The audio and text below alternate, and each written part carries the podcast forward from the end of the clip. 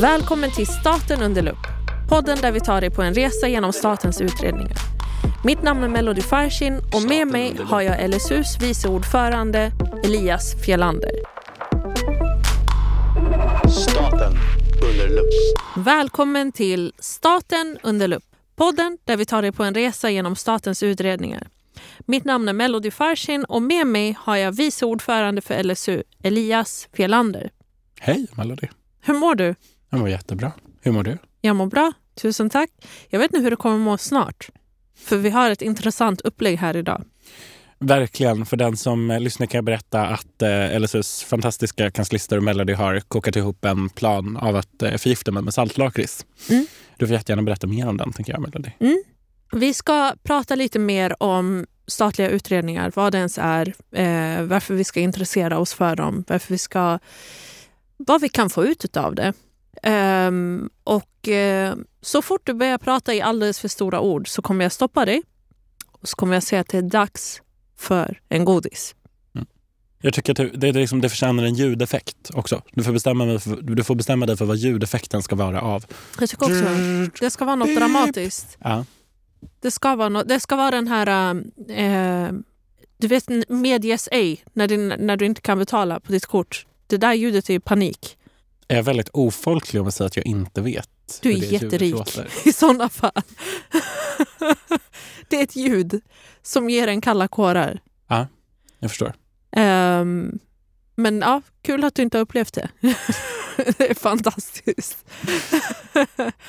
men Men jag har ju också så alla mina pengar på det, kort, eller på det konto som är kopplat till mitt kort. Så Ja. eh, om de försöker bedra mig med någon så här fake ATM, då är jag ju körd. ja, det ska vi inte säga högt. Så Nej. Ehm, värt att känna till i detta är att du varken gillar surt godis, vad jag förstått, eller?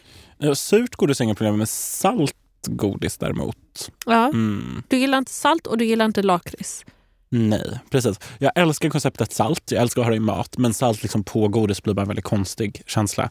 Och sen lakrits är bara en, em, smak Mm. som inte gillas. Så det ska bli ett eh, spännande experiment. Få se vad som händer. Eh, det ligger ju en icke oansenlig mängd lakrits framför mig. Får se hur många jag äter. Vi kanske ska ha en sån lakrits-counter. Ja, faktiskt. Mm. Som behöver hålla koll på hur mycket du Ja. För eh, Elias har en tendens att när han flyger i sina hjärtefrågor så svävar han. Och då börjar han liksom gå in i ett vokabulär som kanske liksom glömmer bort att mm, hallå, jag tappar bort dig för eh, fem meningar sen. Och Det här låter verkligen som en terapisession. Ja. Alltså, Elias, han har ett problem. Han vi har, har ett beroende. lokaliserat. Vi har lokaliserat. Och syftet med den här podden är ju att vi ska kunna finnas där för alla oavsett ålder, oavsett eh, hur pass insatt man är eller inte. Alla ska kunna känna sig bekväma i eh, konceptet och förstå vad vi pratar om. Så det är där lakritsen kommer in. Lakritsen är folket. Ja. Ja. Och jag älskar folket. Exakt. Framförallt så älskar jag medlemmarna. Okej, Elias, vem är du? Ja, det är en jättebra fråga. Vem är jag? Eh, glad och god grabb på eh, 18 eh, höstar vid tiden för inspelningen. Är till vardags eh, ordförande i RFSL Ungdom och så vice ordförande i LSU. Och det är ju den personen jag är här idag. Av med RFSL Ungdom-hatten och på med LSU-hatten. Det är ett konstant hatt på och avtagande. Mm. Stressigt. Eh, ja, men det är jätteroligt. Det, det, det är ju ett fantastiskt förtroende att få vara vice ordförande i LSU. Det är ju så coolt, kul. Eh, mycket mer personalpolitik än vad Mm. jag trodde att det skulle vara när jag kom in i uppdraget. Eh, mindre policyutveckling, om jag ska tänka kring hur det har varit att jobba på LSU. Mm. Eller ja, vara förtroendevald i LSU. Vill du förklara vad policy är för någonting? Mm. Det är ett väldigt bra samlingsord för eh, allt och ingenting. Ehm, men eh, vi, vi har ju eh, liksom en del dokument som styr vår politik som vårt årsmöte har tagit. Alltså som medlemmarna gemensamt har beslutat att det här är vad LSU ska tycka. Till exempel så vill vi se mer än en fördubbling av statsbidraget till barn och ungdomsorganisationer så att det ska läggas mer pengar på barn och ungas egen organisering via de medel som kommer från liksom, statskassan. Mm. Och det kan ju vara vår åsikt. Men kring det här med eh, den här konkreta åsikten som årsmötet har beslutat om, då behöver man ju utreda vilken myndighet ska ha hand om frågan. Hur ska man se till att riksdag och regering fattar de besluten som behöver fattas i den ordningen de behöver fattas för att se till att bli alla de här liksom, grejerna runt omkring. Det är vad man kanske skulle kunna kalla policy eh, i LSU-sammanhang. Och vi gör ju också en hel del eh, liksom policyutveckling, alltså ta fram konkreta vägar till ny politik eh, för både liksom, svenska regeringen, för myndigheter, för FN och EU och liksom massa internationella organisationer. Det är jättekult att vara en del av det på ett litet hörn. Men har man fritid? Eh, vi eh, är ju en eh, god arbetsgivare och våra anställda ska ju såklart ha rättigheter. Men jag kan väl säga att som vice ordförande i LSU så tar det en del tid. Ja. Så um, men det är också det man får vara medveten om när man ger sig in på att ta en så tung roll som det är vara vice ordförande i LSU. LSU är ju paraply och samlingsorganisationen för Sveriges barn och ungdomsorganisationer. Vi har 83 medlemsorganisationer med 650 000 medlemmar. Det är klart att representera dem, företräda dem, driva frågor och deras vägnar, eh, utarbeta gemensam politik som medlemsorganisationerna driver. Det är klart det tar tid. Mm. Men det är ju otroligt roligt också. Man får lära känna så fantastiska människor längs med vägen. Man, jag tror att jag också har utvecklats väldigt mycket som person i liksom mina personliga egenskaper och kompetenser i och genom det jag gör i LSU. Hur länge har du varit vice ordförande? Jag tillträdde, vi har liksom mandatperioder som är kalenderår. Mm. Så jag blev vald i november 2021 och tillträdde 1 januari 2022. Och så sitter jag då till 31 eh, december 2023. Okej. Okay. Så det är tvååriga mandatperioder. Mm. Så ett och ett halvt år lite drygt när vi spelar in det här. Mm. Okej. Det är ganska stort. Hur gammal var du då när du fick den här rollen? Jag var... Hur gammal var jag? 16? 17? Hur gammal är du nu? 18. 17 måste det ha varit då. Okej. Ja. Så det är inte krav på att man ska vara myndig heller? Nej, precis. Eh, vi LSU har inga ålders, alltså undre åldersgränser för våra förtroendeuppdrag. Eh, utan det är upp till medlemmarna att på årsmötet bestämma vem man tycker är mm. bäst lämpad att eh, leda LSU mellan årsmötena. Och, Men är du 18 år idag? Jag är 18 år idag. Okej. Okay. Mm. Jag är inte den första som säger att du är jättelill gammal. nej. Nej. Nej. Hur, hur hamnar du i liksom så här, jag vill vara en farbror? Men på liksom ja, en tredjedel ja. mm. av livs... Liksom mm. i åldern. Ja, men det började med en liten Elias. Eh, om jag ska vara väldigt Eh, subjektiv en väldigt söt Elias, eh, cirka 2008 på dagis. Eh, jag började läsa när jag var typ tre år eller någonting och då var ju det ungefär det roligaste som fanns i världen. Mm. Jag tror att den som har träffat mig kan också se på mig att jag är en person som lärde mig läsa när jag var tre och tyckte att det var det roligaste som fanns i världen. Eh, och eh, helt ärligt, alltså jag satt ju inne och läste på rasterna på dagis istället för att leka med de andra kidsen. Det är väldigt quirky och unikt av mig. Hur lär en eh. treåring sig att läsa? Jag minns inte när jag började läsa. Alltså jag minns inte en tid före jag kunde läsa, så det är lite svårt att förklara. Men eh, mina föräldrar berättade att eh, en dag så hittade de mig under köksbordet när jag satt och läste en bok. Och så liksom, inte bara att jag såg bokstäver och sa det är ett A, det är ett Ä, utan att jag faktiskt läste. Okej, du läste det själv? Kanske. Eller något jag har barnprogram kanske som gick igenom säkert, alfabet. Säkert, någonting. säkert. säkert. Och eh, som vi vet så är ju eh, liksom, eh, from the point of att läsa en bok under köksbordet och det var ju någon generisk barnbok, liksom, jag minns inte vilken. Så gick eh, klivet gick till Lasse-Maja. Och sen gick det till eh, Harry Potter och sen gick det till något annat och något annat och något annat. Och sen sitter jag och läser statliga offentliga utredningar å medlemmarnas vägnar. Det är sån tricky, tricky road. Mm. Easy to fall down. Men för den som inte har lärt sig ja. läsa när man är tre. Mm. För hur lär man sig som... läsa? nej, men, nej, men hur, som kanske tycker att lång text är skrämmande. Ja, verkligen. Jag själv skriver böcker men jag försöker alltid skriva på ett sätt som är likt typ det språket vi använder till vardags, mm. det sättet vi smsar på. Mm. För att jag tycker att visst språk kan vara... Då, liksom, det här fyrkantiga språket ja. är bara för vissa. Ja. Ehm, och eh, hur gör man då? Mm. För den som inte har fascinerats lika mycket av läsningen och som inte njuter av att läsa ja. en utredning. Mm. Varför ska man ta sig liksom den här striden, orken, kraften mm. att läsa en utredning? Mm. Jag kan väl börja med att säga att jag tror att det finns en väldigt viktig poäng i att vi använder ett visst väldigt formellt språk vid vissa Mm. tillfällen. När man skriver lagar så finns det ju ord som har vissa meningar Mm. eh, och att ord som kanske har Alltså ord som har olika lydelser i det vardagliga språket. Mm. Man behöver kunna veta exakt vad det är man menar. Så att i vissa fall så behöver man ju ha ett väldigt formellt och väldigt nischat språk. Liksom. Men jag tror att något som kan vara väldigt viktigt när man eh, funderar mellan, eller liksom velar mellan, å ena sidan så är det viktigt att läsa den här långa, långa texten. Det är något som, ett ämne som intresserar mig. Det är viktigt. Liksom. Och så å andra sidan har man att det är jättejobbigt. Eh, man kanske inte har svenska som första språk. Eller så är man inte van vid att läsa eh, längre akademiska eller juridiska texter. Mm. Och eh, jag kan väl tipsa dig om att det till exempel finns eh, skärmläsare eh, som liksom då kan läsa upp texten som finns framför en så att man inte själv behöver läsa med ögonen utan man kan lyssna med öronen till exempel. Mm. Eh, det brukar också vara så att i de här väldigt liksom, långa statliga utredningarna som ibland kan vara uppemot flera tusen sidor långa.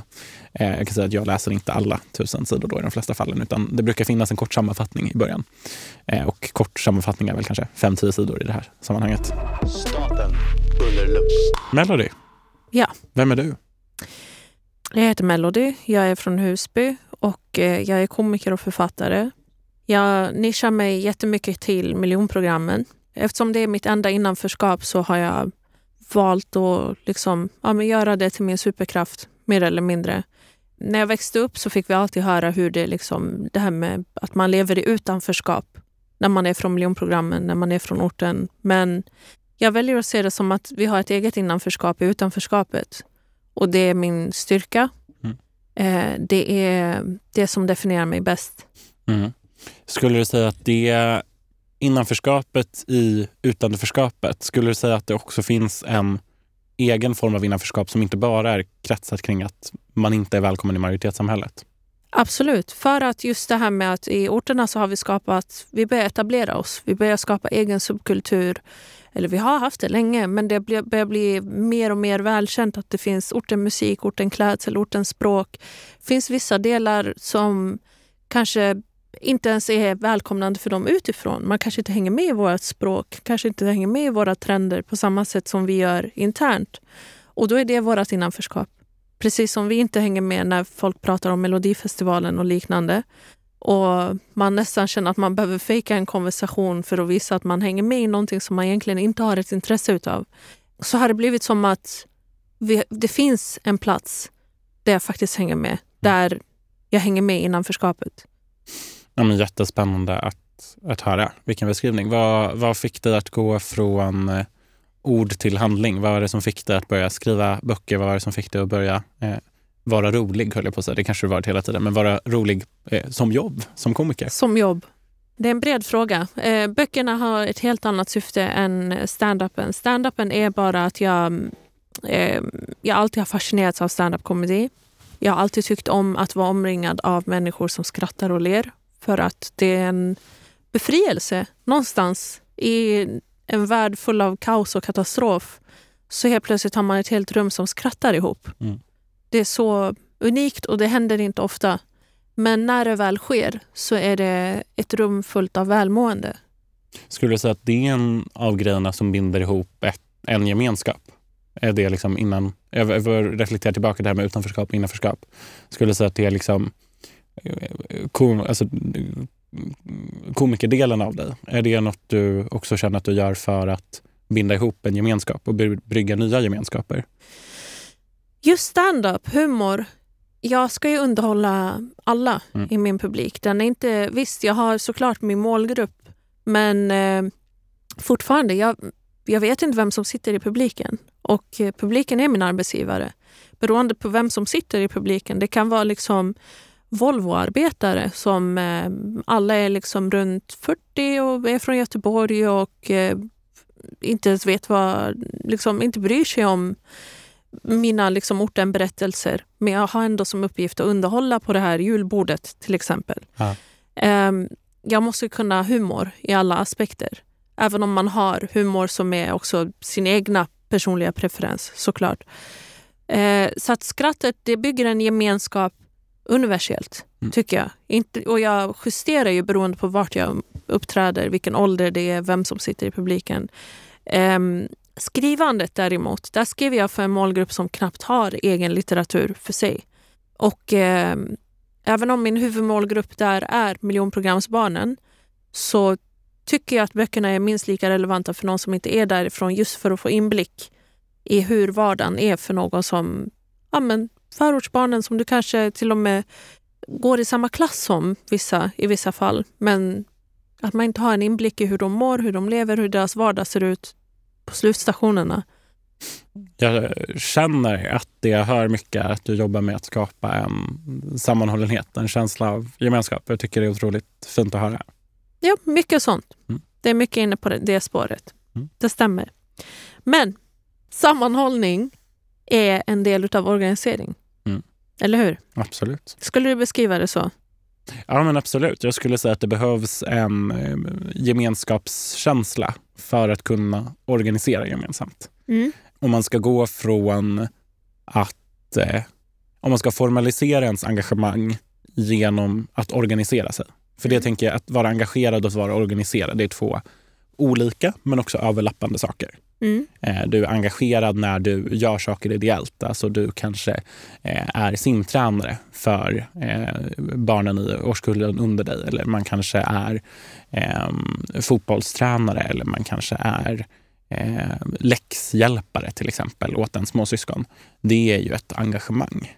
En organisering är en formalisering av det ideella engagemanget. Så att bilda en organisation, att starta en förening, det är organisering. Mm. Och det, som du märker, överlappar ju en del. Mm. Mm.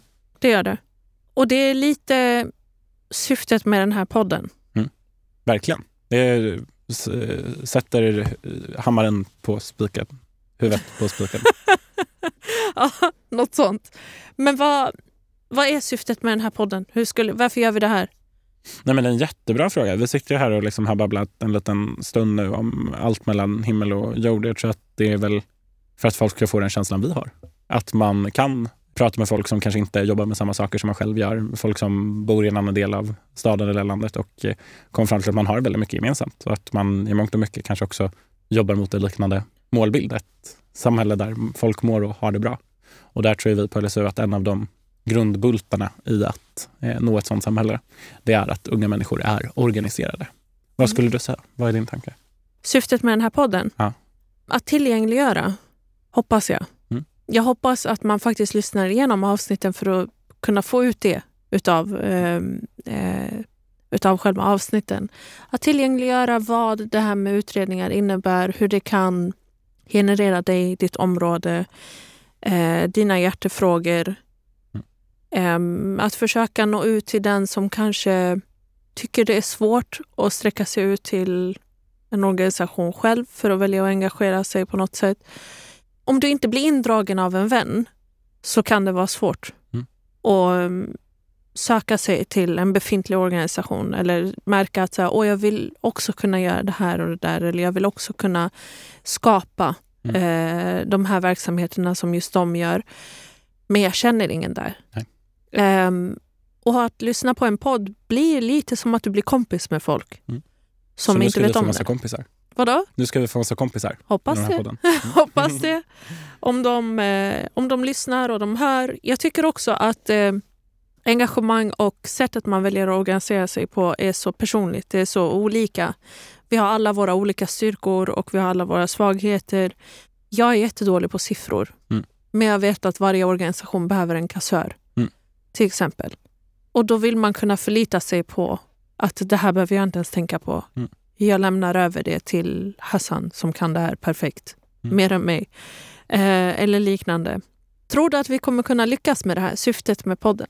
Ja, men jag hoppas det. Eh, det finns ett så stort behov av att tillgängliggöra organiseringen för Mm. fler. Eh, det är ju liksom, om det är sex av tio unga som är intresserade av samhällsförändring och liksom av att förändra sina samhällen och av att vara en del av samhällsutvecklingen. Och fyra av tio som också säger sig vara engagerade på olika sätt. Mm. Men det är ju färre än så som är organiserade. Så det finns ju en grupp unga som är intresserade av samhällsutvecklingen, som vill engagera sig för att förändra samhället i den riktningen de själva önskar, men som inte är organiserade.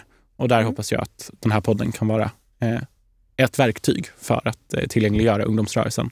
Mm. Vad tänker du? Det största hindret är att om man, eh, om man är långt ifrån det så kommer man inte söka upp vad LSU har för poddar. Mm. Det är det absolut största hindret. Ehm, det finns en större chans till att vi når ut till de som redan är organiserade än att nå ut till någon som inte är det. Just av den anledningen.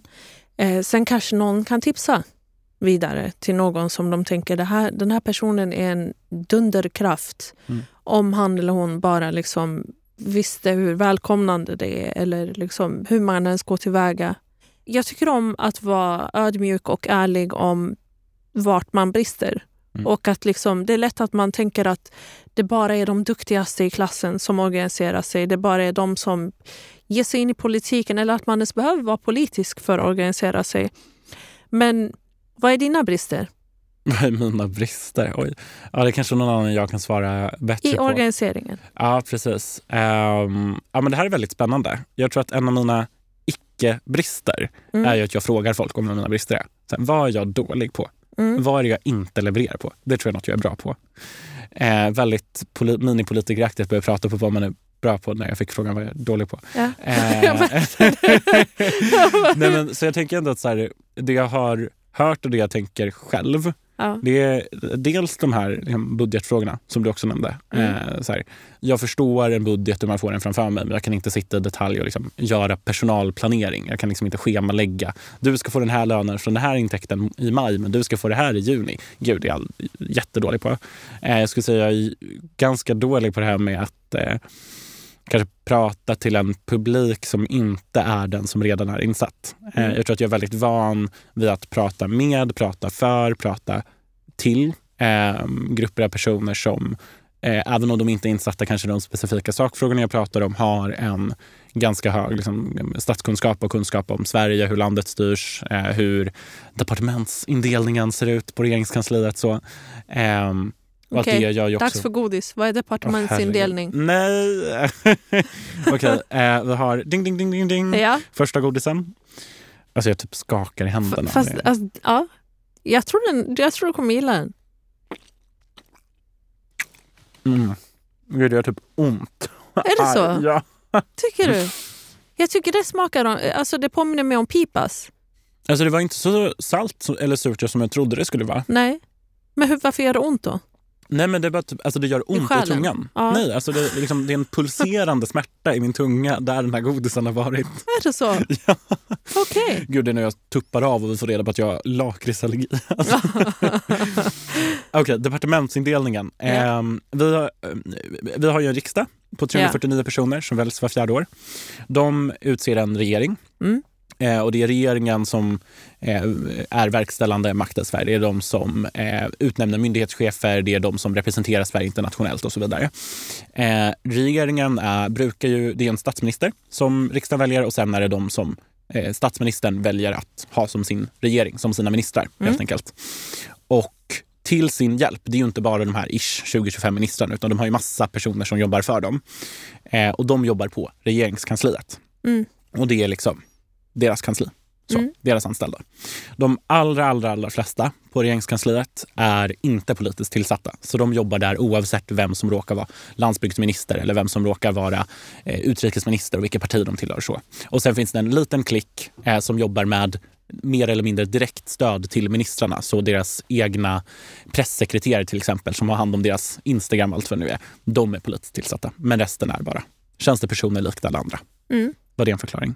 Och ja, och sen regeringskansliet är indelat i departement. Så de är olika delar av eh, myndigheten. Då. Eh, så vi har till exempel ett utrikesdepartement som handlar om utrikesfrågor. Vi har ett kulturdepartement som tar hand om kulturfrågor. Vi har ett eh, utbildningsdepartement som hade utbildningsfrågor. Så vi har tio departement plus en förvaltningsavdelning. Något sånt. Och indelningen av olika frågor i de här departementen, alltså hur, var man stoppar olika sakpolitiska frågor, vilket departement, det är den stora departementsindelningen. Mm. Det kan också betyda vilken minister som är i, vilken, i vilket departement inser nu också. Men det kanske är överkurs. Vilken minister som är... Alltså, det, det, dels har vi en departementsindelning som är vilka sakfrågor ligger på vilka departement. Så till exempel att eh, biståndspolitiken ligger på utbildning, utrikesdepartementet. Mm. Det kanske är en självklarhet. Medan civilsamhällespolitiken nu bara eh, för ett halvår sedan flyttade från kulturdepartementet till socialdepartementet. Mm. Men sen har vi också en indelning att ministrarna liksom, quote unquote, sitter på olika departement. Så att vi har några ministrar som också är myndighetschefer, som alltså är chefer för eller som är departementschefer som är chef för departementen. Så vi har till exempel justitiedepartementet. Där är justitieminister Gunnar Strömmer chef. Mm. Men det är en till minister, eh, migrationsminister Maria Malmer Stenergard, som också är på det departementet. Mm. Och den liksom, pusslingen av ministrar och departement kan man också kalla en departementsindelning i regeringen. Ja. Det var ett väldigt långt svar. ja, men förstår du vart, eh, vart det kan förvirra? Absolut. och vart Absolut. det kan förvirra lyssnare? Absolut. Jag Men det också här ge är bra. Ja, det är jättebra. Det är kan bra också- att förtydliga. för att det, det här är just varför man blir avskräckt från politiken. Det är varför man, många unga väljer att kanske inte ens rösta för att man märker att, eh, att det är för långt ifrån en eller det kräver för mycket. Frågorna från kulturdepartementet till socialdepartementet. Fun fact, visste ni att biträdande enhetschefen inte följde med i flytten från kulturdepartementet till socialdepartementet? För vet ni vad? Det vet jag. Eh, nej, okej. Vill du ställa frågan? Okej, nu har du tagit en godis. Ja.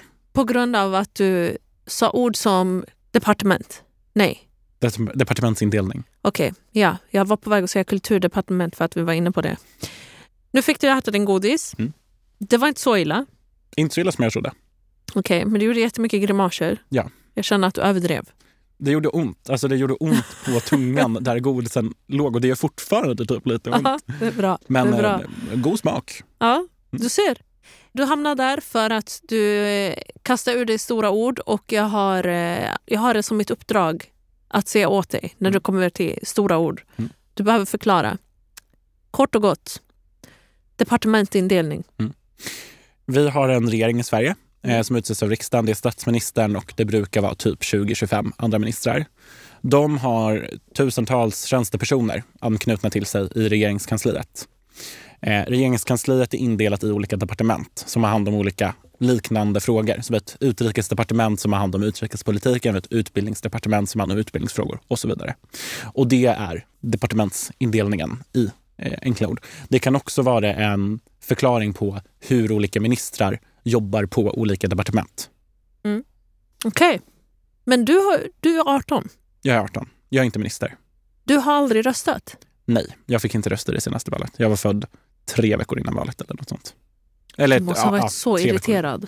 Jo, ehm, det var lite irriterande. Men jag kände också att jag gjorde det bästa av situationen och eh, försökte få eh, alla andra som fick rösta att nyttja sin demokratiska plikt och eh, Mm. göra det. Du kommer vara först på plats för att rösta nästa år. Nästa gång. Alltså jag tror att så här, man kanske tror det. Eh, men jag tror också att jag kommer vara för upptagen med att så här, kolla nyhetsrapporteringen. När går den här partiledaren till vallokalen? Ah. När är den här personen i vallokalen? Vi får se. Jag ska i alla fall rösta. Mm. Och vi har ju allmänna val 2026, alltså till Mm. kommun, region och eh, riksdag. Men man får inte glömma att vi har val till Europaparlamentet eh, om bara ett år i maj 2024. Då kan du börja. Då kan man rösta. Eh, och då kan alla som är svenska medborgare rösta. Men Elias, jag tycker att du inte var ärlig om, eh, eller du var inte konkret om dina brister när det kommer till organisering. Jo, Nej. Mm. lite siffror. Eller hur? siffror och sen skulle jag väl kanske också säga att jag är väldigt van vid att prata med en ganska specifik typ av person. Jag tror att jag har ett språk och ett sätt att bete mig som är anpassat efter att möta en viss typ av person. Och det gör att det är väldigt svårt för mig att också möta personer som inte ingår i den gruppen. Personer som Vilka inte... är den gruppen? Ja, de som jobbar på regeringskansliet till exempel. Ja. Ehm, Jag tror att för den personen som står långt ifrån den typen av frågor som jag jobbar med kan det vara svårt för mig att förklara vad jag jobbar med, vad jag håller på med, eh, vad det är som är viktigt, vad, hur saker ser ut helt enkelt. För att jag är så van vid att prata på ett visst sätt. Är inte det där typ all politik faller? Egentligen. Att det flyger över huvudet på vissa.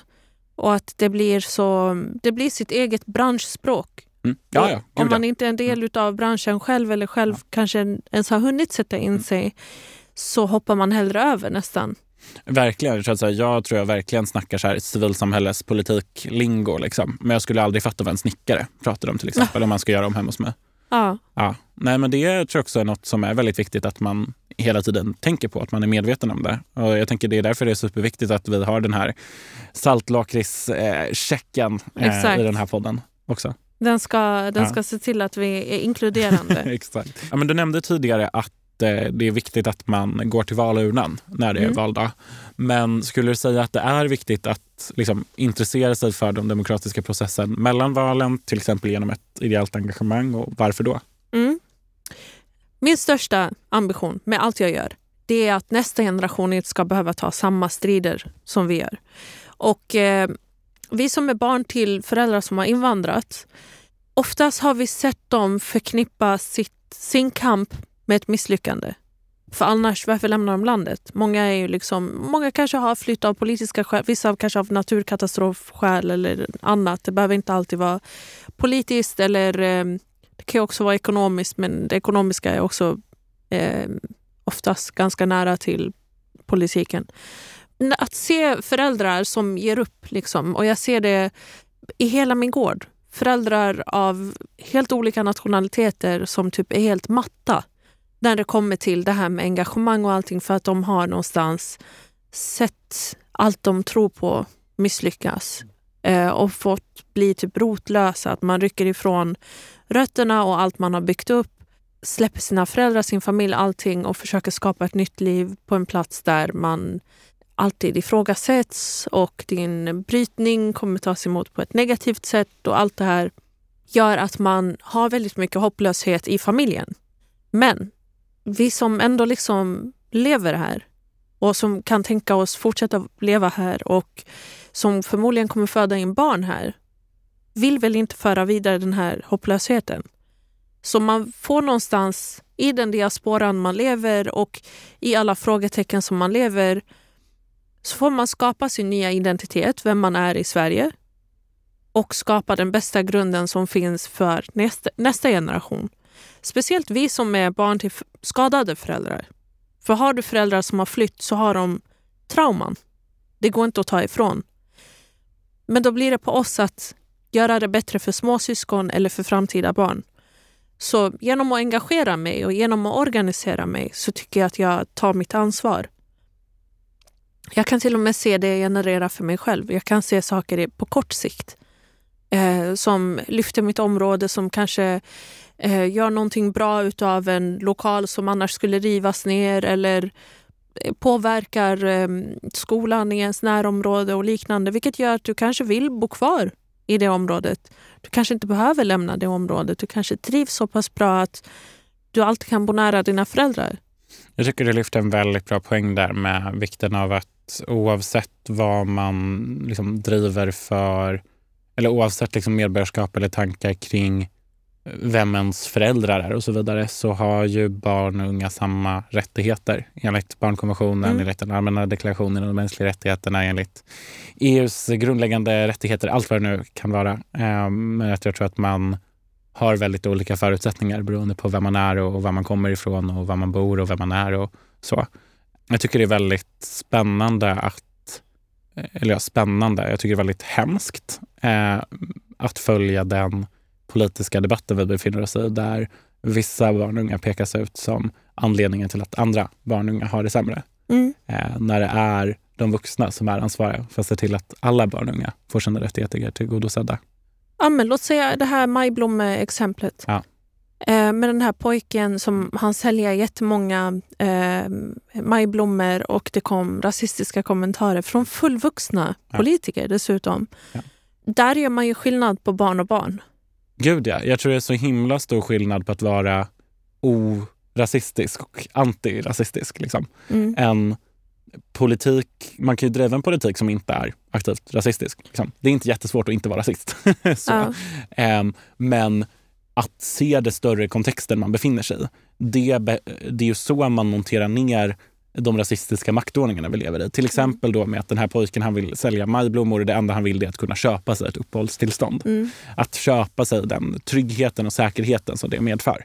Men vi är i ett land där det är väldigt svårt att få uppehållstillstånd, framförallt permanenta sådana. Mm. Så att det finns en ett problem på en individnivå med att han utsätts för, alltså att han får de här kommentarerna. Att Mm. han har svårigheter i hans asylprocess där han inte får sina, eh, gissar jag då, att han inte hör samma som han ska göra. Men det större problemet är att vi lever i ett rasistiskt system med en rasistisk maktordning där man inte har samma makt oberoende av liksom ras, etnicitet, kultur och så vidare. Och det som är bakgrundsfaktorn bakom det hela som man då behöver nedmontera är ju då den rasistiska maktordningen. Med, Vänta, vänta, vänta, vänta. Maktordning. Jag ska ta en till godis. Ja, förklara för oss. Man hör på ordet vad det betyder, men ändå. Mm. Eh, så det är så att om man har en viss mängd tillgångar, alltså resurser, det kan ju vara ekonomiskt, det kan vara politiskt, det kan vara socialt, det kan vara kulturellt. Mm. Eh, är det vissa som har mer än andra, eh, mer, mer eller mindre makt än andra, så blir det en ojämn maktordning. Och problemet i frågan om rasism, det är att vi lever i en rasistisk struktur. Där personer som har vissa erfarenheter, som ser ut på vissa sätt och så vidare, premieras över andra.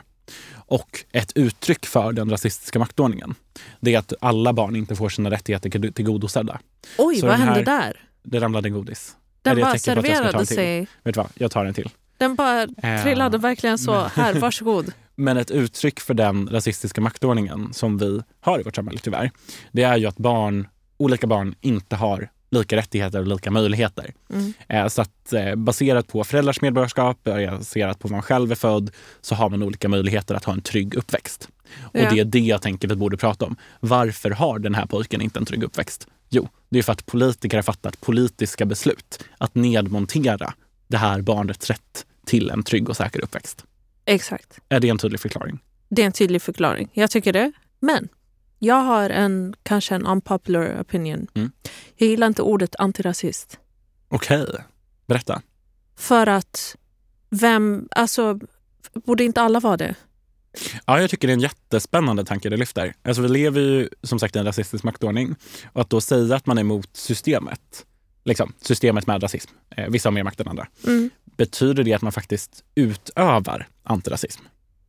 Fast alla håller ju inte med om att vi har en rasistisk maktordning. Vissa förnekar ju det. Mm. Och ord som antirasism är beroende av att rasismen ska finnas. Mm. Det är därför jag har problem med den. Spännande. Är den för filosofisk?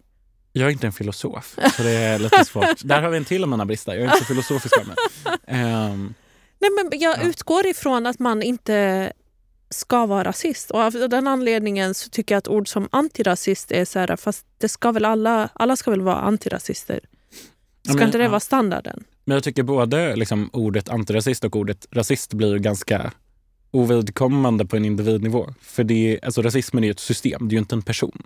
Det är ju inte jag som är Ja. liksom, rasismen personifierad. Rasismen är en maktordning som vi alla lever under och alla verkar inom. Oavsett hur mycket eller lite vi vill det. Mm. Och sen finns det väl folk som har olika mycket vilja att förändra det, liksom, den maktordningen vi lever i. Men Om man rör sig bland organiserade människor Mm. så har man en massa olika liksom, etiketter, kategorier av strider och kamper och vad man är och inte är. Eh, vad är du? jag är eh, glad. jag är eh, lång. Jag är... Ja, man kan sätta massa etiketter på sig själv. Jag tänker mer på, ja men det finns de här, eh, man kan ha en du vet, caption i sin bio, den här, så här stolt feminist, antirasist, Ja. du vet, det det ena och det andra och vegan och liksom 500 olika saker. Vilka klistermärken har du? Jag tror faktiskt att min Instagram-bio är hbtqi-aktivist och således förbundsordförande ät RFSL Ungdom. Eh, brinner för, eh, om det är ungas organisering eller om det är unga rätt, ungas rättigheter, ungdomsrörelsen tror jag. Brinner för ungdomsrörelsen, Mm. därför vice ordförande ät LSU. Och så är det några emojis. Norre. är det, är det liksom ett sjukdomstecken att jag kan citera min Instagram-bio? Jag kände att det var lite läskigt. du kunde den för detaljerad för att vara en så pass lång bio men det betyder att du också har tänkt igenom den noggrant. Det är search engine optimization, eller vad ska man säga? Exakt. Men jag tror det finns något i de här etiketterna.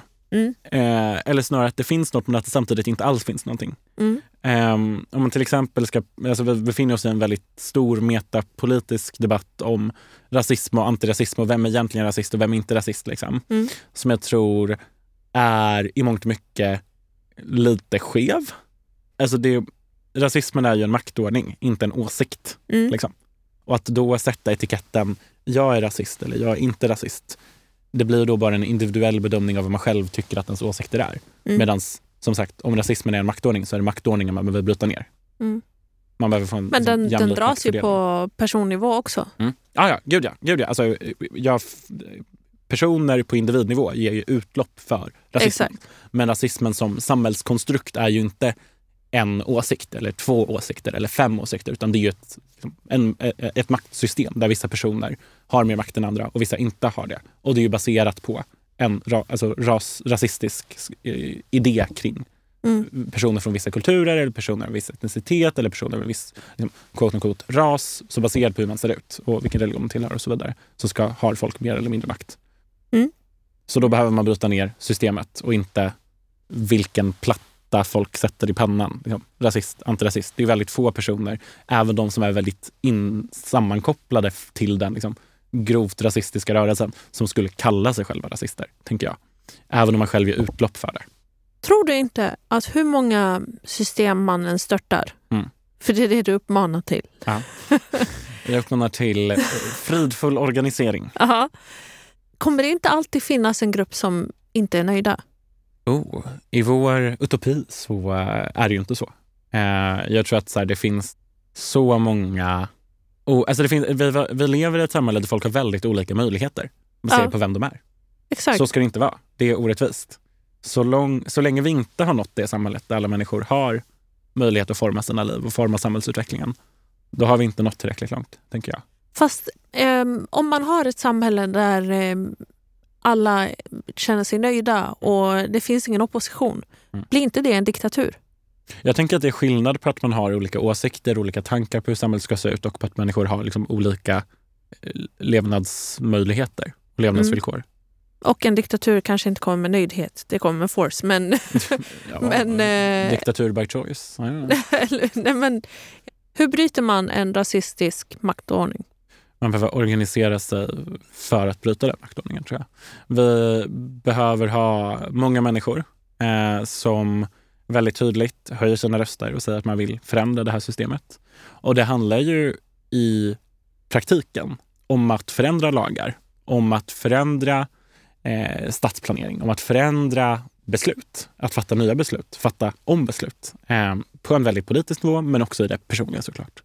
Så det handlar ju i stort, till exempel, om hur vi ser på Sveriges, tänker jag, eh, migrationslagar för barn och unga, till exempel. Men det handlar ju också om, finns det en handlingsplan mot antirasism på sin skola? Så man kan ju verkligen organisera sig för det lokala, för det personnära.